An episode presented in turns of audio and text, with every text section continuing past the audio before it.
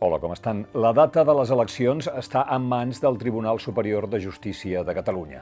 De moment, el tribunal manté el 14 de febrer i com que s'ha donat 18 dies per anunciar la decisió definitiva, ens podem trobar que quan ho decideixi, la campanya electoral ja estigui en marxa. O sigui que els partits es poden trobar que comencen la campanya i al cap de pocs dies l'han de suspendre.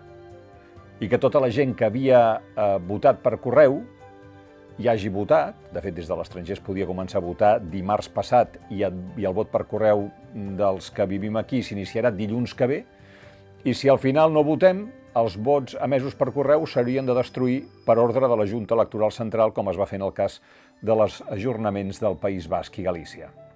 Insisteixo, les eleccions són el diumenge 14, però poden quedar suspeses el dilluns d'aquella mateixa setmana.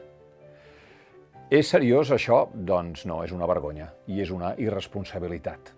I aquí és on mirem cap al ministre de Sanitat, Salvador Illa, que es veu que dimitirà la setmana que ve, dimarts hi Consell de Ministres, seria l'últim, eh, per venir a fer campanya a Catalunya, encara que després les, les eh, eleccions es retardessin fins al maig. Avui, les UCIs de mitja Espanya ja estan eh, més col·lapsades que en la primera onada i d'aquí dues setmanes els hospitals catalans poden trobar-se sense lloc per més casos de Covid-19.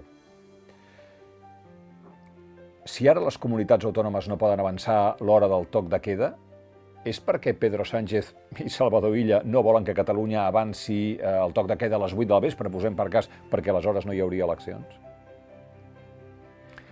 Si el ministre Illa continua fent tants equilibris entre la seva condició de ministre de Sanitat i de candidat del PSC, al final igual cau del filferro. En aquestes condicions, amb la pandèmia avançant i l'economia retrocedint, qui pot estar per la campanya electoral? Qui pot estar per anar a votar? I la gràcia que et farà que et toqui ser membre d'una mesa electoral i que pugui ser castigat per no anar-hi en condicions de pandèmia. Tot plegat és d'una manca de sentit comú que fa vergonya. Donin per fets els nostres reconeixements habituals i cuidem-nos nosaltres, perquè es veu que alguns dels que ens haurien de cuidar, es veu que ells són immunes a la pandèmia.